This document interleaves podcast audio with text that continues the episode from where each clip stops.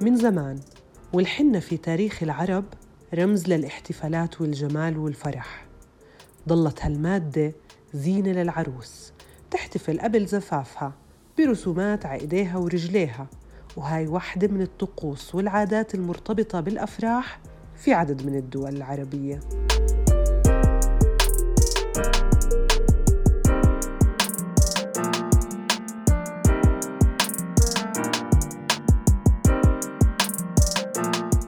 الفراعنة استخدموا مادة الحنة في عملية التحنيط. استخدموها في علاج بعض الأمراض في الزينة وفي استخراج الروائح العطرية الجميلة. الرسم بالحنة اليوم صار مهنة بتقنها فنانين وفنانات. صارت هالمادة تستخدم في رسم اللوحات كمان مش بس الرسم على الجسم.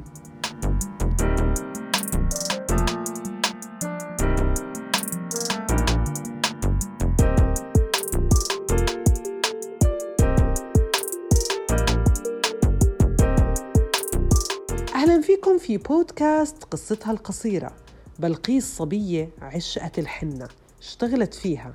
بالبداية كان هذا النوع من الرسم تستخدمه لتقدر تساعد نفسها بمصروفها أثناء الدراسة الجامعية.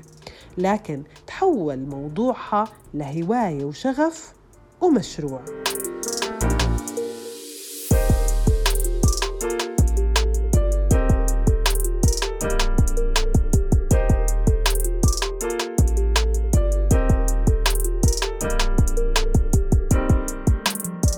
الرسم وهي شغفي وهي الإشي اللي أنا اشتغلت فيه وأسست منه مشروعي الحالي. بلقيس الطفلة لاقت دعم كبير من أهلها وتشجيع لتشارك في الأنشطة اللامنهجية في المدرسة. كانت تلاقي باللعب والرسم مساحة لتعبر فيها عن حالها.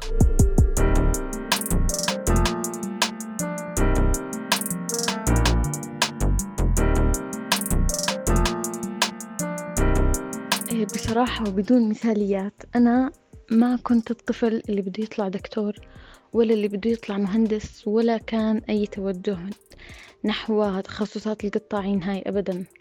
كان بس همي إني أنا أرسم أدرس أكون شاطرة بالمدرسة بس ما كان عندي توجه واضح إنه أنا مثلا بدي أطلع طيارة أو طبيبة أو مهندسة. ما كان هاي التوجهات وأنا صغيرة. وكانت حياة كلياتها لعب. يعني يمكن أكون أكتر حدا لعب بالحارة أكتر حدا طلع مشاوير وهو صغير أكتر حدا صاحب وتعرف على ناس وهو طفل. وكنت أشارك بأي معسكر أي تدريب بصير للأطفال. آه، برضو كنت أشارك. وبحب أنوه إني من الصف الرابع كنت مشاركة بالكشافة. وكان دائما بابا بدعمني وبسمح لي إني أنا أطلع تدريبات وأطلع معسكرات.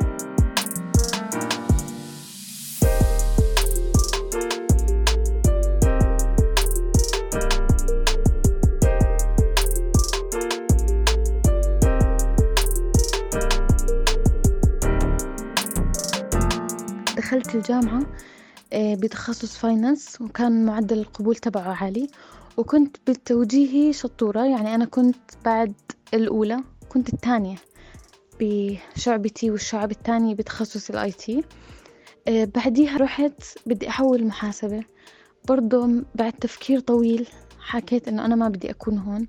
وبيوم وليلة بإجراء بسيط من تخصص أعلى لأدنى حولت لإدارة أعمال. وهون بلشت أشوف إنه إيش يعني مشروع إيش يعني business إيش يعني زبون كيف بدي أجيب عميل. حببوني صراحة دكاترة التخصص بإني أنا أفتح business لحالي. وكان كنت مبلشة على الخفيف برسم الحنة. وطوال جامعة طوال السنين يلي كنت فيها مدرسة أو جامعة أنا كنت أرسم وبطور حالي باستمرار.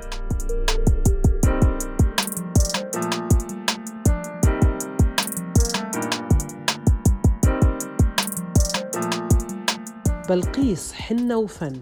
هذا الاسم صار ماركة مسجلة في عالم المشاريع الريادية اللي بترتبط بالثقافة والتراث وبنفس الوقت الموهبة.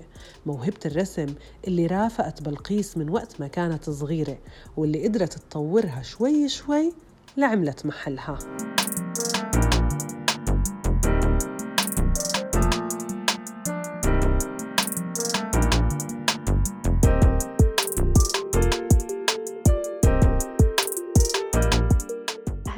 بلشت الفكرة من لما أنا قررت أنتقل لتخصص إدارة الأعمال وأنا أصلا يعني إلي سنين بشتغل على موهبتي بالرسم. فلما صرت بتخصص الجامعة وأعرف شو يعني بزنس شو يعني عميل شو يعني يكون عندك مشروع خاص وقد الموضوع سهل وما بيحتاج التعقيدات يلي محطوطة بمخ الناس إنه أنا لازم يكون معي رأس مال ولازم أكون بعرف كتير ناس ولازم تكون الفكرة جدا قوية. فالناس بتفكر إنه إنه شبح المشروع الريادي. فالموضوع كان كتير أبسط بسبب دكاترتي بالجامعة اللي كانوا يبسطوا موضوع المشاريع كان شرحهم كتير حلو فخلوني أنا أتوسع مداركي لحيث إني أنا أفتح مشروع من موهبتي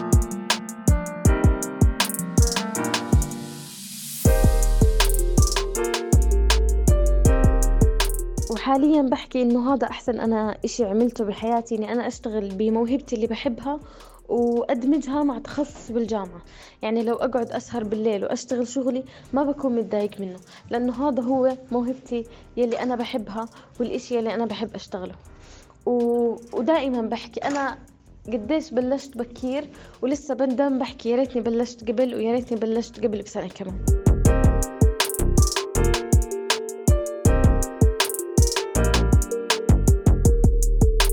في مدينة السلط غرب العاصمة الأردنية عمان وفي واحد من شوارع المدينة الأثري. سهل يلاقي الزائر لوحات فنية بتحكي عن المدينة وعن تاريخها عن سكانها ومعالمها عن النساء وأزيائهم. هاي اللوحات كلها من إبداع بلقيس اللي قدرت إنها تستخدم مادة الحنة لإنتاج هاي اللوحات اللي بتحكي تراث مدينتها وبتنتج رسومات ونقوش مميزة.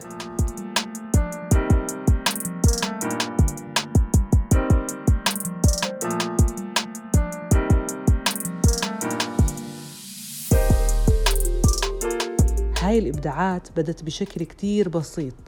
الطالبة الجامعية اللي قدرت توفق بين شغفها ودراستها أنشأت مشروعها بعام 2016 هالمشروع جمع بين التراث والفن والتمكين بين الشابات. الهدف من المشروع إنه الشابات يلاقوا دخل لما يتعلموا الحرف اليدوية والرسومات. المشروع بدأ براس مال صغير.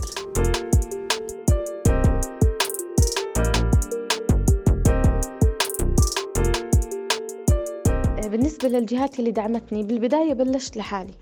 برأس مال كتير صغير كان عبارة عن اقتطاعات صغيرة من مصروفي بالجامعة بحيث إني أجيب علب دهان صغيرة أعدل أنا ديكور المحل أجيب أشياء بسيطة.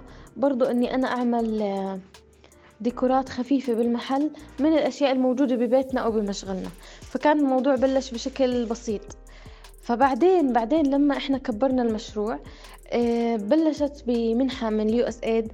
بعدين صرت مثلا آه، أوسع أشتغل مع المطاعم السياحية أشتغل. فهذا الإشي يلي, يلي ساعدني. وبرضه مركز الابتكار والريادة بالجامعة الأردنية كان له دور كتير كبير بأنه يعطيني دورات وأعطوني منحة. برضو مؤسسة نهر الأردن شبكنا معهم يو إس إيد مؤسسة نور الحسين كتير في جهات صراحة آه، ساعدت بأنه مشروعنا يتوسع وبأنه مشروعنا يكبر.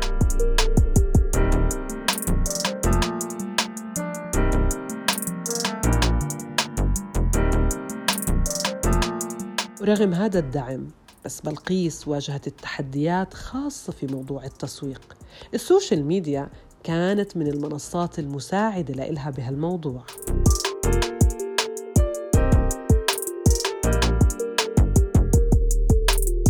بالنسبة للتحديات اللي واجهت مشروعنا كانت بالبداية زي أي مشروع بده يبلش إنه بدنا تسويق بدنا الناس تعرفنا. فكان الموضوع بإني بلشت أشارك قصص من مشروعي على ال social media خاصة بحفلات الحنة واختلافات الحفلات الحنة بشكل عام بين العشائر الأردنية والعائلات فكنت أشارك, هاي الاختلافات مع الناس على الفيسبوك. فكان الموضوع يلاقي اهتمام عند الناس وتحب تتابع هاي القصص. برضو كان في عندي تحدي إنه أنا فاتحة محل بحارة شعبية وأنا كنت لحالي. فكان هذا الإشي برضو بده إصرار بده نفرج ناس. إحنا ما نعمل إشي غلط. بالعكس إحنا فاتحين مشروع ورح ندرب بنات ورح نخلي الناس تشتغل وهيك.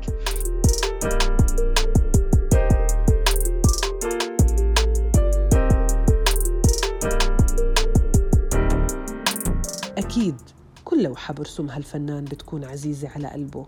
كيف لو كانت هاي اللوحات بتحكي عن التراث وبتعكس جمال المدينة وبتروي قصة؟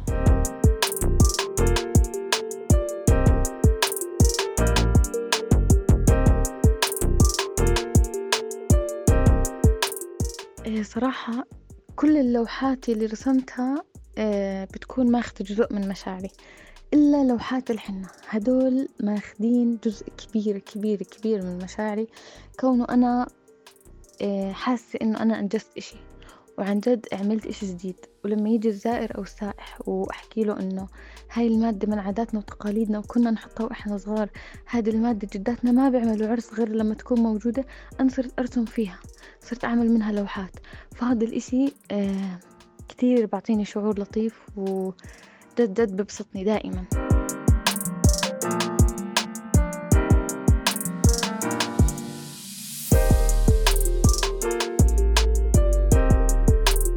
الحلم عند بلقيس كبير كتير. كل ما توصل لهدف بيكبر الحلم. لتقدر توصل إنه يصير اسم بلقيس حنة وفن بكل الأماكن السياحية وماركة مسجلة لتحكي عن التراث.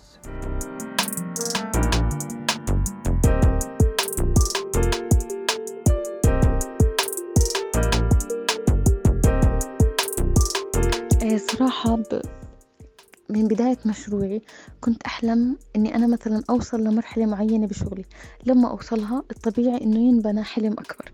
كل فترة وفترة الحمد لله بنحقق هدف أو بنحقق حلم بس بعدها آه، بنقدر نحكي إنه الحلم الكبير يلي هو مجموعة أهداف صغيرة إنه أنا أكون قادرة أوصل آه، أو أحط اسم بلقيس حنة وفن بأغلب المحطات السياحية ويكون كل ما تدخلي مكان أو استراحة سياحية وفيها منتجات سياحية وطنية تلاقي منتجات عليها ستيكر بلقيس حنة هذا الإشي اللي أنا دائما بطمح له.